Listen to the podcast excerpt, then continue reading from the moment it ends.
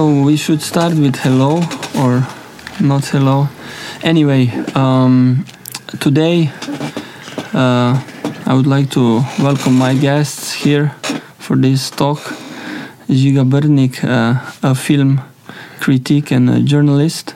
Hello. Hello.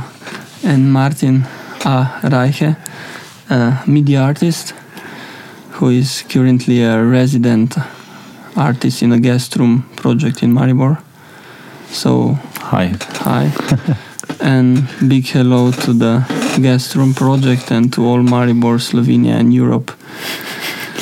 And pure op. And Radio. Europe, yes, yes, where we are. Ah, sorry. so we are in uh, Europe studio, Europe radio studio in GT22. And yeah, hope we'll use these next minutes and an hour maybe for some uh, serious thoughts and points of view on, on what media art is or what a triangle of society, technology, and art could be. So this this is a basically a first podcast that we are doing in the frame of uh, International Festival of Computer Arts. The 22nd edition is going to happen in November. The festival is thinking to becoming like a better, bigger platform that goes on for whole year and in a way we are hoping to build a database with some informations links uh, i don't know talks podcasts where where new new media artists or new artists or theoreticians him or her could find some informations about what is going on or who are the people and what are the situation in this world Mm, so, Martin, your thoughts? Festivals, institutions, wh- where are we? What are we? How are they doing? Are they useful or? Well, um, well, I think essentially for for media artists, the the festival is the form of expression. So most most media artists, new media artists, don't really have a lot of. Uh, gallery shows or do not have gallery representation in the first place so a festival is really an important way to to show uh, to show art And also to meet, no? of course also to meet more people more or actually to build a network as an artist um, also to to get to know your fellow artists because most of the time you don't even know them. They might be living in the same city but you never got to know them. So yeah. Totally. So what what like like if I observe the situation, the festivals were growing, these meetings of media artists were growing, but now in the last years, am I wrong or am I not wrong that in a way these festivals meetings are kind of a stable or even some festivals as like people who know the scene would say that the festivals are even dying so there were like or there are few festivals that are still there and Well, that's true in some sense. I mean, I'm, I've been traveling too much lately to, to be continuously present on these um, on these uh, international meetings. But the one I usually attended are um, just the big ones that survived. I would say so. Especially all the smaller ones, they will just die from the problem never to get any more money. So for a lot of a lot of festivals have the problem that they only got funded for um, for one year so like as an event but never as a recurring um, as a recurring happening and i think that's a problem because you could never have any kind of stability if you only think about making a like event based meeting But if we would like to get kind of a global view, which are these big events, big festivals? Where are they located? I mean, I can mostly say that from the probably from a European perspective. I mean, there's definitely Transmediale. I'm, I'm living in Berlin, so of course Transmediale is a big big name. Then there's Ars Electronica um, as another big name. Um, there is well also, the, for example, the Venice Biennale, which is um, not that much about computer um, art, but um, a lot of computer artists or media artists have transcended into these bigger um, festivals that have a lot of history. So And now you, you spent like almost a month here in Slovenia, and you realize that in Slovenia we have this not new media. We have the intermedia Yeah, situation. So that. there, there, and now since we are like started or we are in the frame of uh, International Festival of Computer Arts, so we have like computer art, media art, inter- intermedia art, transdisciplinary art, research art, uh, electronic art. How how how is that in Germany, or where, or how do you see all these concepts flying around? How you get lost, or you are.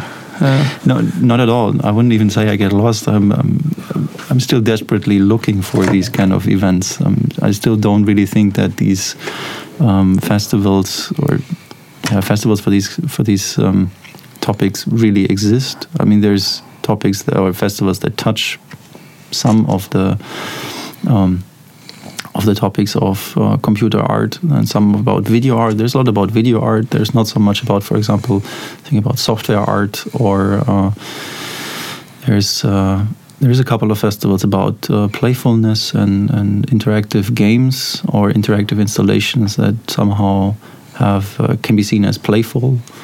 Um, quite a big one, um, even though independent one um, in in Cologne happening every year but there's not that much which really deals with the whole bandwidth of artistic production in the field. So I'm missing that still.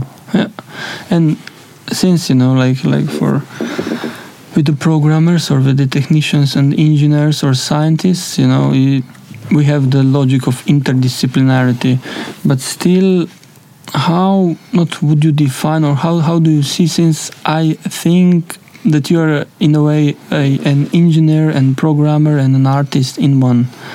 And and how, how do you see this interdisciplinarity this jumping from field to field or uh, is the media artist the one that has or him or she all these things in one person or collaborations or collective works are, are, are important?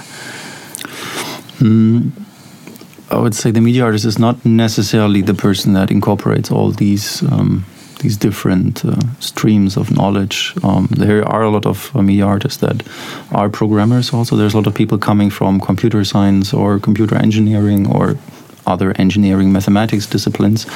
But I see most people coming from an artistic background. Most uh, media artists, which uh, just learn how to program and which is good, of course, and then develop something out of out of this. But I don't see that much of an, um, or usually not that much of uh, people coming from the engineering discipline going to the arts, but it's more the other way around. So um, that's Yeah. how I see the the situation. because like like two days ago i had a, like a discussion with a programmer who is like currently helping the festival to to, to, to develop the archive and database or to bring them out and uh, I, I could not lose the feeling that he has kind of a fear towards art or towards also media new media art. And and why is that? Why why are the people who are not artists afraid of art? I, I don't really know, but maybe there's a biographical note in, in this question because the way how I got into art from a background of computer science was uh, while I was still studying computer science and was deciding that I need something completely different to get out of this mindset of an engineer um, and was um, was asking a professor at an arts university to join his class and um, afterwards, I told this also to people in my university, to professors at the, the technical university, and they just think I'm going completely crazy. Like, how how could you, as a, as a serious engineer, think about such a mundane task like doing art? For them, it was completely ridiculous. So I think that's something that kind of um, swings um, swings in there all the time. Yeah. the kind of a fear towards or I don't know if it's a fear No or if understanding it's a or- discrediting of Yeah, um, yeah. artistic work as an actual practice because well most artists don't make a lot of money and um, especially as a computer scientist you will most probably earn a lot of money in the future if you're having a well if you if you graduate from it and you're not completely horrible so um, I think they don't see it as a, as a valuable um, art, artwork or artistic um, practice as a valuable um, contribution to society. and then you know if we like touched Žiga, if you want just uh, jump in you know. Okay. really like don't. You kept it going, so Yeah, I'm, I'm, I'm, I'm on the run. Sorry. No. Uh, an, another another like not question but observation. Like my observation is always this question of, of open software, free software, and open code, and closed systems. Uh, and then if we have like science, engineering, technology, and art on different angles, how how do you see these angles like of being a, being a producer or being just a user? How do you see this? You have any limitations if you? I don't see a media art that is made with with non-open source free software programs. Uh, I, per- I mean, I personally work only with open and free software when I do my my, my works. Um, I think it depends a lot on which background you're coming from. If you're coming from computer science, um, a lot of people get, tend to tend to um, be very familiar with the concept of open um, open knowledge, open software, and uh, just start to adopt that at some point. And um, at some point, just don't use commercial software anymore but um, people coming more from a design perspective um, or coming from having studied design. They they studied to learn things like um, InDesign Illustrator Photoshop. So they learned all these commercial programs and they tend not to not to get away um, or not to not to learn something else because they are very proficient in what they are doing with this kind of software. And I deal a lot with with um, uh, with designers because my studio is based uh, has mostly mostly designers in uh, in it. So uh, they're um, dealing in a they also I mean they're also doing uh, creative work. Um, not necessarily art of course but uh, they see it from a completely different perspective. For them it doesn't really make sense to learn any free software or deal with free software so um, I don't know. If I think as a serious media artist, you should um, try to be as open as, uh, as possible because I mean you also have a message to spread, which is that uh, um, you do your your um, your creative work in order to. Well, maybe make the world a better place. I mean, that's a very romantic idea, Yeah. of course, but um, in a sense, you help because you show people that you, Yeah. these tools are capable of doing all these great things.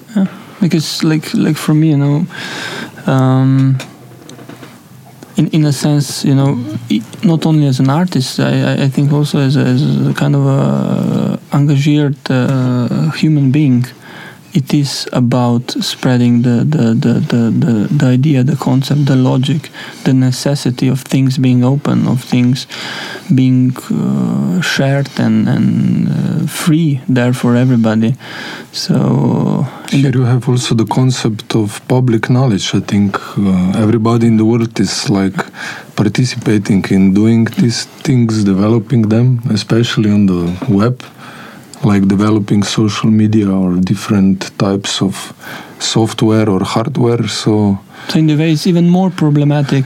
uh, if somebody is making profit out of it Yeah. because actually if you see i think in my opinion it's like you capitalize on public knowledge if you're microsoft or i don't know apple or someone because something that was developed in public funds and in different groups you take this and you capitalize it Ah, but this is more like The problem is marxist getting- view Yeah. Ah, so now, now, now, Yeah. you, now you put a brand on yourself. Okay. So if we uh, go around our Marxist uh, uh, contributor here, not any. yeah, Uh, but it, the the like the critical critical art, engaged art. What you? I think you do it. You do it quite well. What is maybe your thoughts on that? Well, of course. I mean, the, the, the first question is: Do you have to ask yourself um, if you do, or if you define your work as as critical work? Um, is of course uh, why are you doing that? Um, I mean, you're mostly doing that because you want to. Well, you're interested in a specific topic and you want to deal with it, but at the same time, you should be extremely interested to get your work um, seen by as many people as possible. Well, because you're you're criticizing something that you see is uh, um, is a condition that you don't want to see in society. So you want to get your work out as as far and as as fast as possible um, to be seen by a lot of people.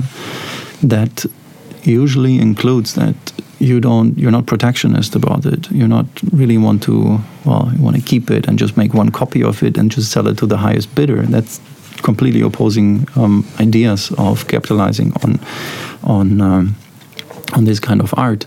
And that brings us back to the idea of the festival because the festival is a way also to to capitalize on that um, by uh, fees for participation in a festival which well is also important that these fees are existing and this is not just artists um, having a good opportunity to show their work but actually getting money that for for um, showing a work that they couldn't capitalize on in any other way because we still have to pay our bills and still have to eat every every day so yeah.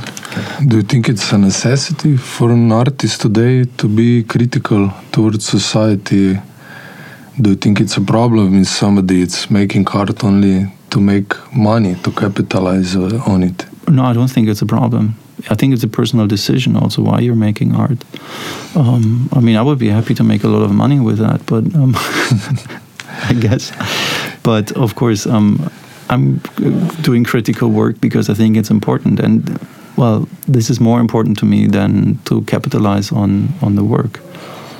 And you said the, the festivals the fees the, the, the gatherings everything and in, in this circle of technology, art, society, of course, technology steps in, and also in the festivals, technology steps in, and technology is in a way where the money spins. So, like, then we could say the bigger the festivals, the more bigger or important or, or uh, expensive technology we are talking about. So we have again this circle. So how, how, how do you see situation in that department? You know, if, if we talked about software a little bit and, and open, free, shared things, you know, how, how do you see the hardware situation in media art? How do I see the hardware situation? I mean, hardware gets it depends always a bit on what you want to do, of course, and that should be the first question. I gave a couple of talks to to students of media of art in general, that um, these students were obsessed with dealing with the latest technology to do their projects without having thought about um, creating a consistent. Um, idea, consistent concept, but they just knew, okay, I want to deal with that technology. That's most important because that's the new technology that costs at least 2,000 euros or something. So there's a kind of an somehow a, a, weird incentive to promote the technology that you don't even know if it's like going to be interesting for you.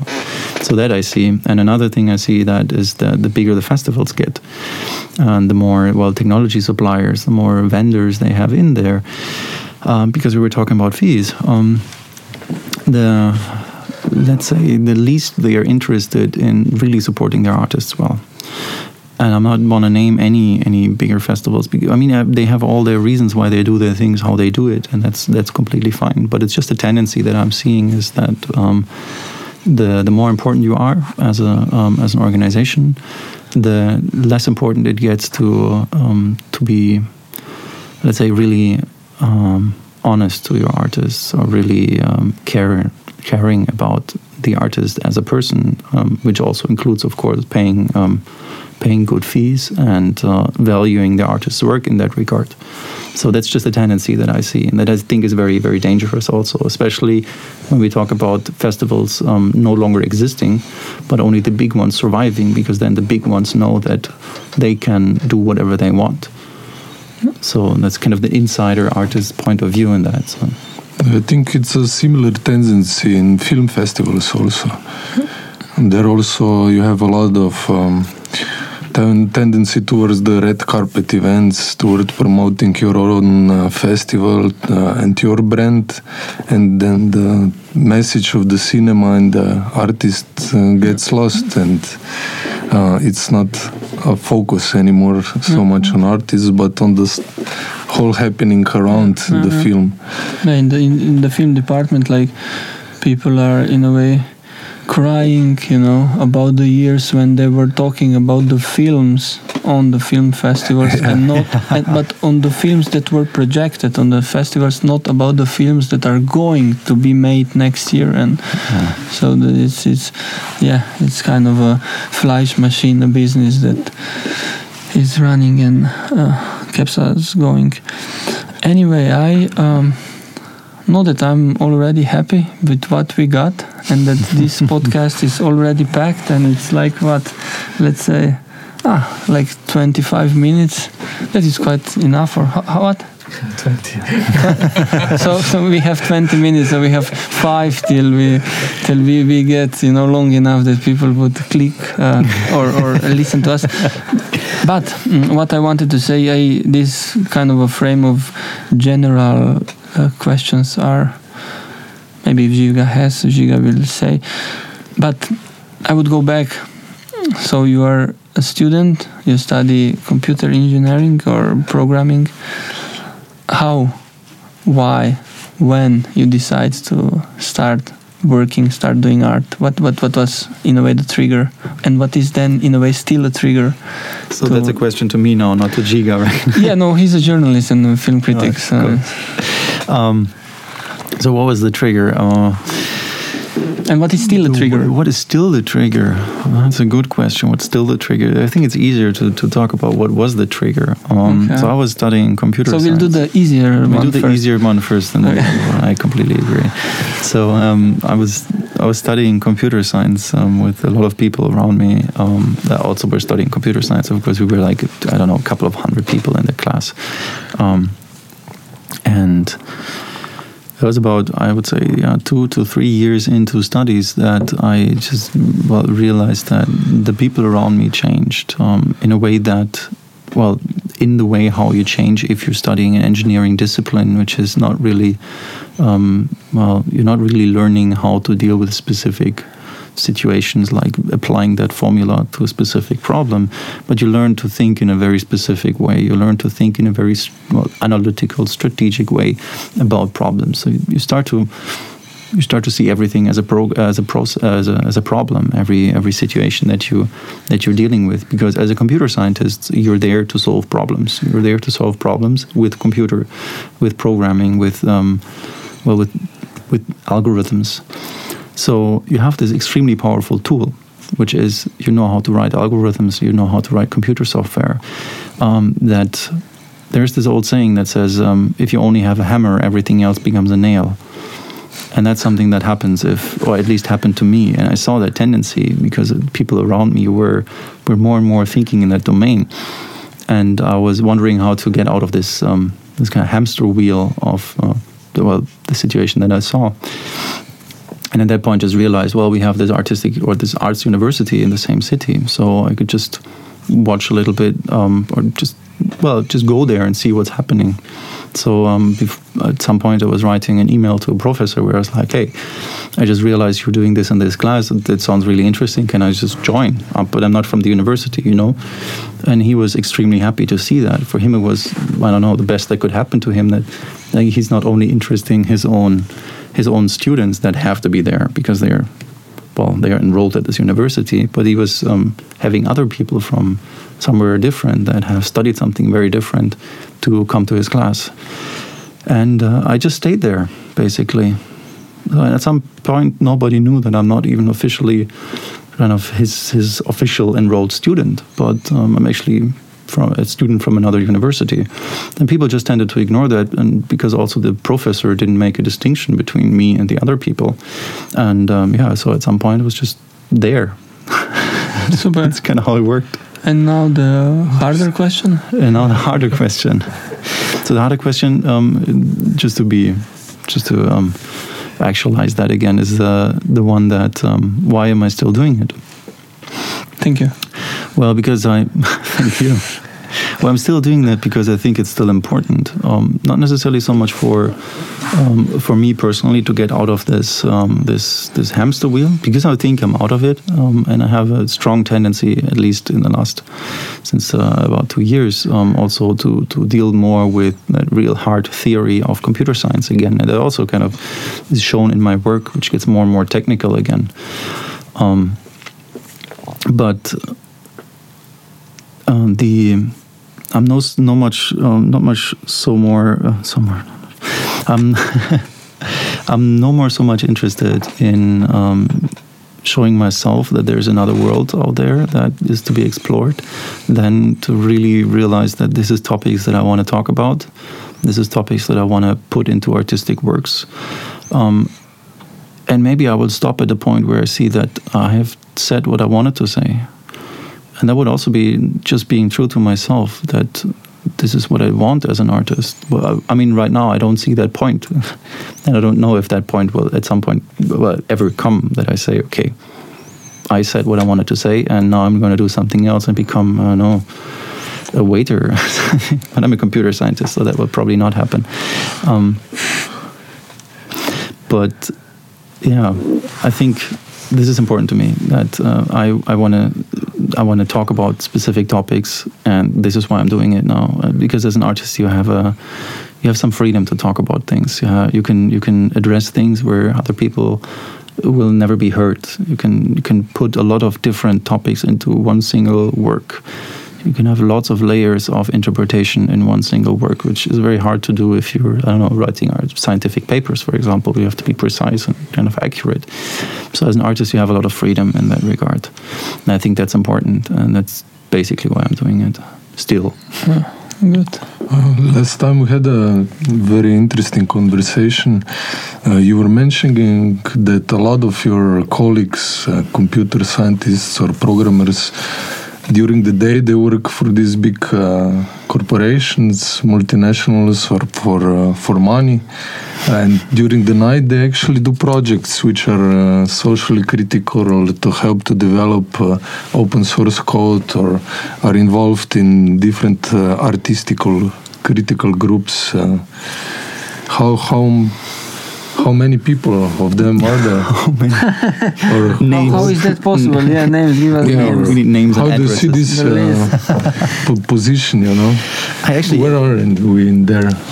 Well, first of all, I do think it makes a lot of sense. Um, because as you, for example, if you're a computer scientist um, and you're doing, well, if you're not at work but at home, you're, um, for example, taking part in open source development of open source projects, which a lot of people do, and a lot of people that I um, that I know as computer scientists, um, I know that this is something that they're much more passionate about than about their real jobs, which is more giving them money. But I think it's about with, with as with most jobs, um, you start with a job, you're happy about it, but at some point it gets more and more mundane because you kind of you, you've learned what you need to learn and. Uh, well, then you you can be happy that you have something like a like a hobby.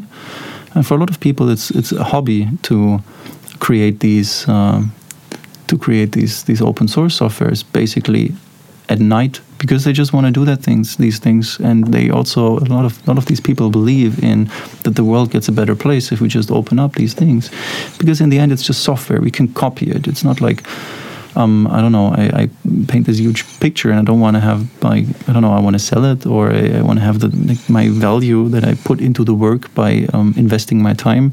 I want to have some somehow um, coming back to me as a monetary value. But for them, it's um, they understand that the reason why they are able to do all these amazing things with the skills that they learned is, is because people already took the effort to create all these amazing free software, and they just see it as something or to give it back, to give something back into the community by by creating this. Plus, they have a challenge because usually nobody will tell you um, that you have to do this and this and this for this and these corporate interests. But you do that because, or you do you create the software in a, in the way how you want because you think that's the right way, um, and because you think that these and these functionalities are important. So there's a lot of people doing that, and there's also in computer science a lot of um, employers that encourage that. Actually, that don't think this is kind of against the the code against the law that you're kind of you should invest all your your mental energy only into your into your employment but they encourage actually also to to work on open source software because you learn a lot of that uh, a lot through that of course mm-hmm. because you learn how to deal with problems that would never come up in your own in your own job and and that's extremely valuable these are it's basically free uh, free new education for your workers this is the best thing that can happen to you as an as a as an employer Mm-hmm. Well, um, like from my side, not that I'm stopping. I have one last question, and this last question also has an out motto or how, how is the intro and the outro to the to the to everything what is happening now. So Žiga, if you have more questions that you want to address to Martin or Martin, if you have a question. Uh, uh, you know, talk now or forever. Hold your peace. You know. Yeah, maybe I just wanted to ask you also this um, thing uh, about hacking. Are you also a hacker, or what is like the difference of being like a socially critical artist and being like a hacker, or who is also political? You know, like computer scientists or programmers that actually involve themselves in actual radical political actions and to try to put down web pages of uh, corporate media or corporate machines or the they try to actually engage in the political system and try to change it in a direct uh, way. Uh, first of all, I, I liked the, the, just the fact that you put uh, you use the term hacker because it's a it's an extremely overloaded term. Uh, come, depending on where you're coming from and uh, what you I know what you know about this this topic. Hacker could be a lot of things. So mm-hmm. for a lot of people, they they um, use the word hacker like for well they just learn to write code um, so they just started and they, they, see themselves as hackers well because they're doing like what are they doing they're hacking something into the into the keyboard so kind of this this notion you're a hacker you're because you can finally code and then of course where it was coming from is um, a, um, there's another terminology about that. It's called cracker. So, um, which is about uh, people using the, their skills to attack other systems, um, which is well, this is something that there's a lot of people outside that out there that do that um, from uh, as their daily job. Um, for example, working for uh, for intelligence agencies, also just working for for companies that do this as their job in order to help other companies be more secure against, well, basically the same people that they are just from the bad side. So there's these white hats and, and black hats. So it's not very easy to talk about hackers in that regard. Mm-hmm. But um, I think that uh, it, they, what are they doing? They're just using their skills in order to um, to solve a problem again, which is the problem that they think there's something very wrong in the world.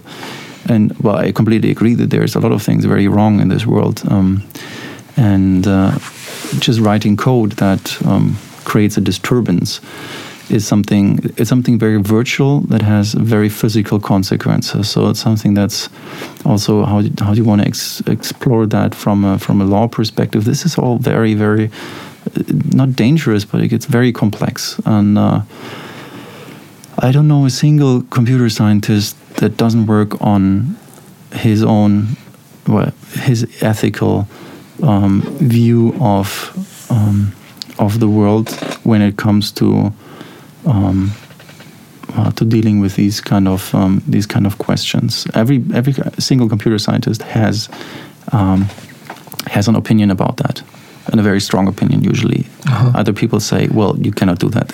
It's absolutely not. You learn that for good, basically for a good thing." Um, then there's a lot of them that say, "Well, it depends." And then there's the the people that are working for not necessarily already intelligence or something, but just for projects that could be used in, in both ways, kind of in a good and in, in, in a bad way. And then it becomes like this already this gray zone of, of well, ethical, um, ethical work, ethical um, programming, let's say. So, for example, you, you work for. Um, um, for a university that contracts with, let's say, DARPA, for example, uh, which is a um, uh, US organization that um, does military research in computer science. Uh, science. There's almost every country has its own um, organization, um, and you know that the technology that you're creating can be used in, in a variety of ways. Um, an example is you do um, you create software which can which works on on satellite images and can detect people, houses, and these kind of things. So you can understand that this can be used in a very positive way. For example, you have a national catastrophe and you want to find out what's happening there and you want to automatically well, systematically kind of organize the data that you have. That's a very powerful technology that can be used for good. The same technology can be used to bomb these people very precisely, very strategically. So it's not always Like clear what's good and what's not good, uh, and that creates that, that is a problem. That's that's the first problem. It's not necessarily so much about I don't know anonymous collective hacking hacking the. Um, the FBI website or something. That's more like a gimmick. It's, it's just I'm, I'm these organizations are just showing that they can. They're just showing the potential that they could be destructive. You never know how far they could potentially get. The question is also why are they just showing off and not doing it if they really mean it? I mean, just do as much as you can if you think that this is the right thing. I, mean, I don't know. I don't really get it. I have to admit. Um, um, but yeah, it's it's never that that clearly black or white. Whatever you're doing there, so they they anonymous does that because they think it's right. Um, the people that are against it are against it because they think it's bad. And uh, this is why I cannot have a clear, clear um, opinion about that. I would say because it's very depending on the on the situation, very depending on the on the direct um, problem that we're talking about. So um, yeah, there's there's just it's it's, an, it's a huge issue. So it's, it's a question that we could talk about for hours. I would say. Yeah. we don't. It's also a question of power, I think, like uh, which is. side it's using. Because if you see like this NSA scandal, the Snowden revelations, of course. actually, US is hacking into the whole world, actually, and Absolutely. Taking information uh, about everybody and politicians, normal people, civilians. Right, and if we do that, it's a problem. Yeah. So this is this is a thing. Of course, there's uh, it's a very, um, it's not it's not a um, um, how, how would you say that? Um, you don't have uh, equal rights in that regard, but you never have. It's the idea of a state that you don't have equal rights. The state has the right under specific circumstances to to um, strip you of your freedom. For example, if you did something that was not right and get convicted, um, you don't have the right to do that to other people without the state interfering.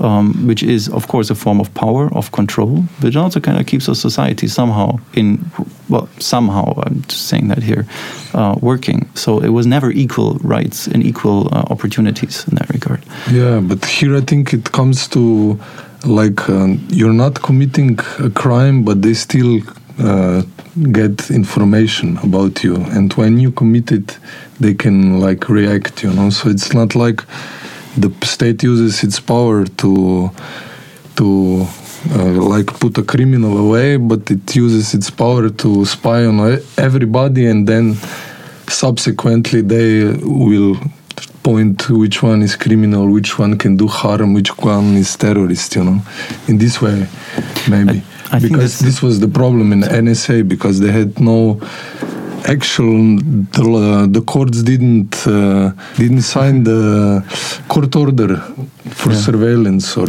as, on spying on people so they had nothing uh, um, they had, they will be they doing it in in advance you know No, I completely agree. I mean, this is a this is of course a it's a situation where you have the, the as a not as a government that's the wrong term, but as a as an aid, like an uh, for an agency and then kind of the intelligence agency, um, you can retroactively do whatever you want. You have all this information, and you, you it doesn't matter how you got them, because well, once you have them, you can use them to to um, to to um, gather intel out of it.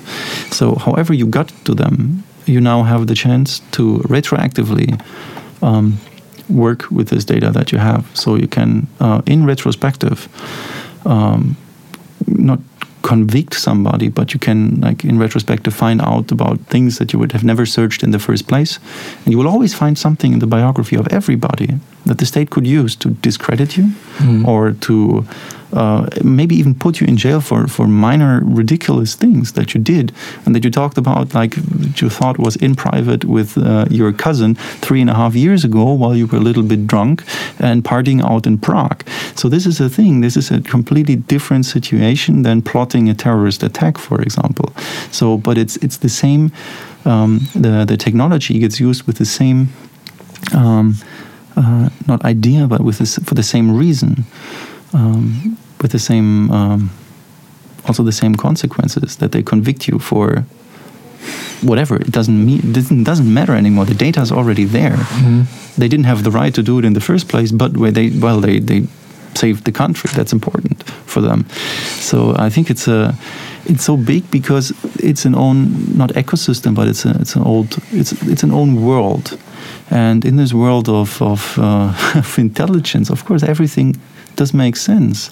There's no um, this is a kind of an auto autopoietic autopoietic world. It's like you just you find the evidence for something, then it doesn't matter how you got the evidence. The important thing is that you have the evidence, and nobody. Well, people will ask how you got them, but that doesn't really matter anymore. The big problem is now that usually the law system uh, in most countries forbids to, of course, use um, use evidence that you gathered in an illegal way. That's usually how it should work.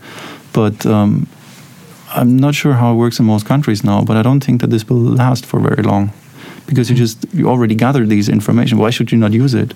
Like at some point, this would just no longer be there, and you would of course use all this information because you have them anyway. So why shouldn't you?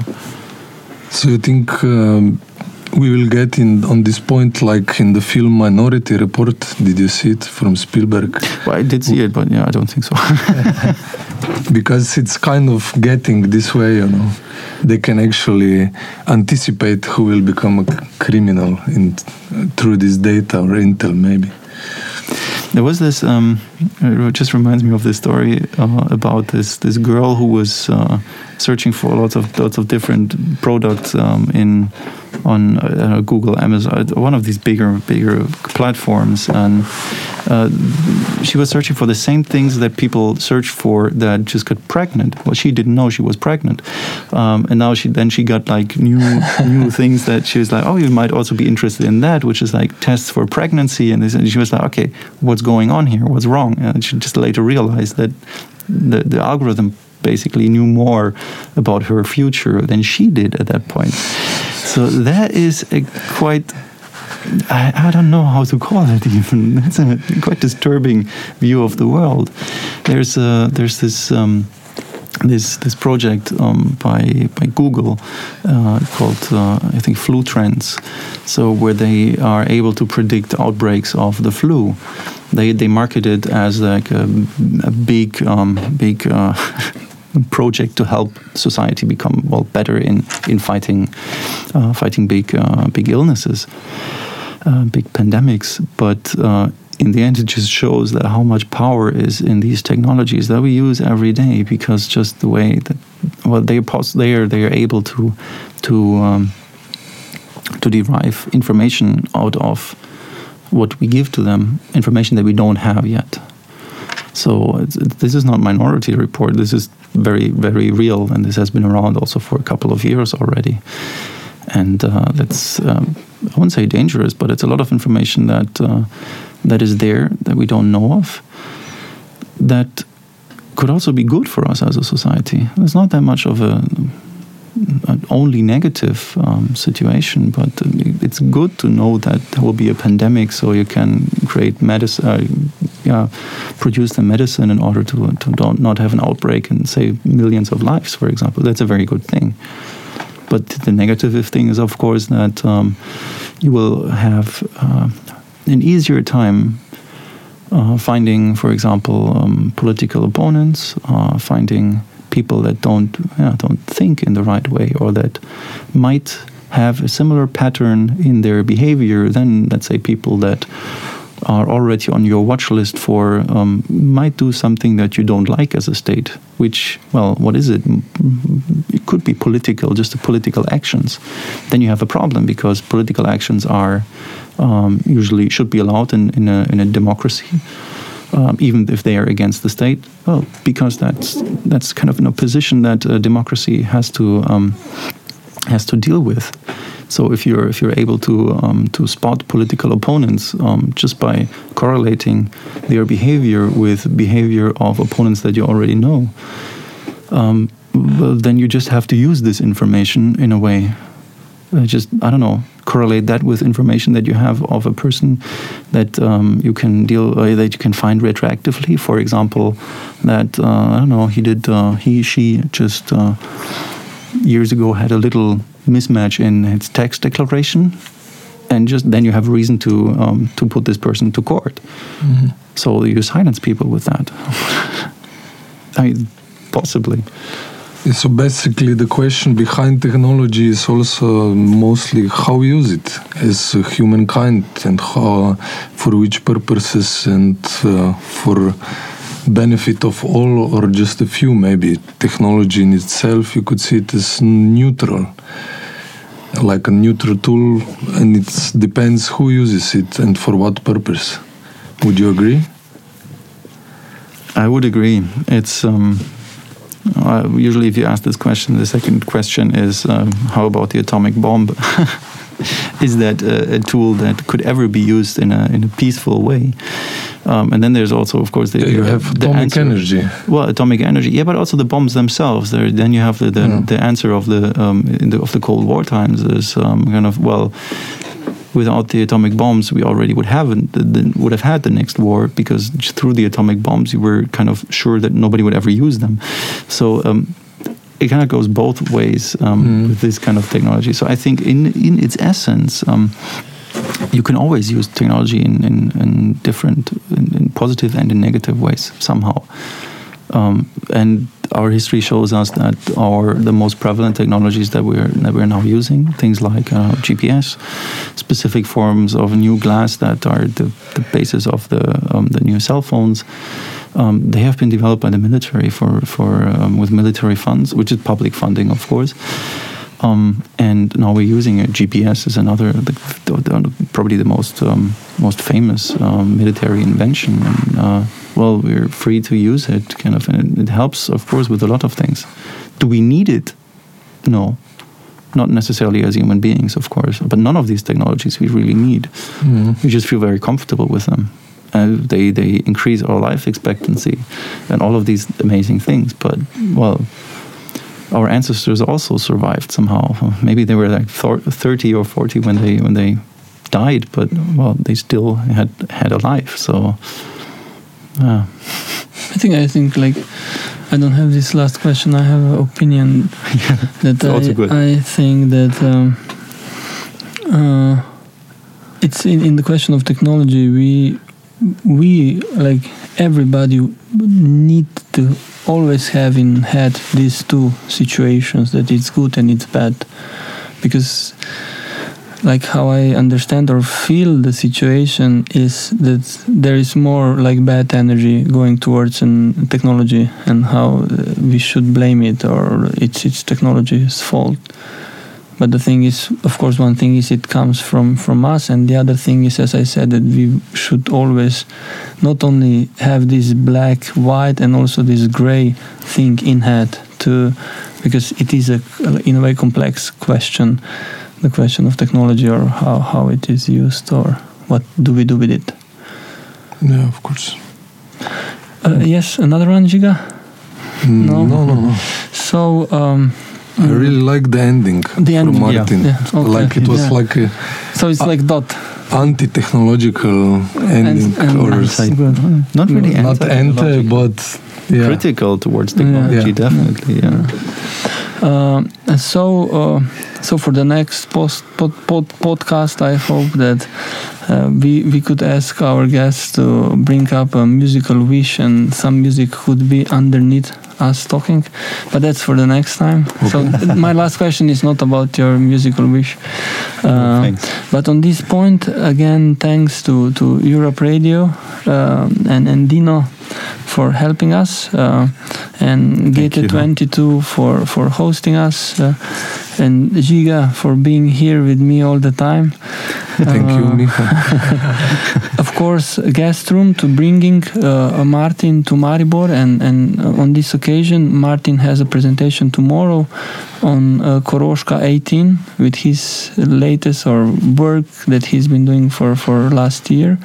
Maybe and- you said the date. We don't know if you will publish the, it date is today. which uh, Uh, Thursday Thursday, Thur- Thursday, October the 13th. the 13th October, at yeah, seven.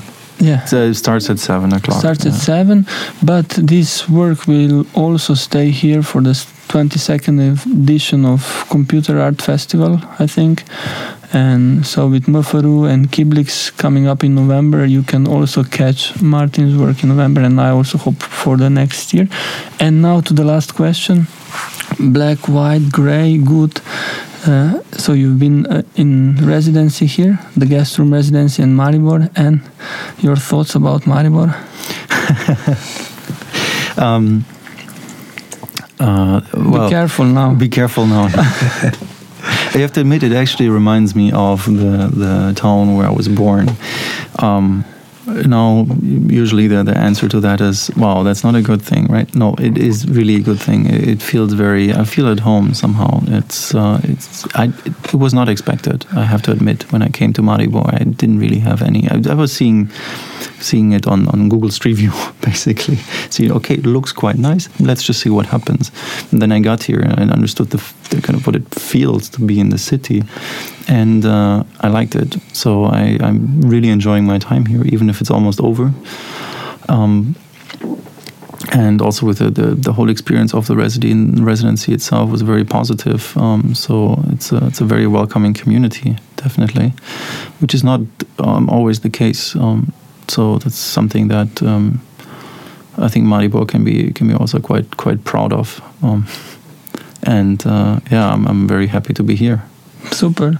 So Martin Gigadino, thank you very much, and next time. thank you.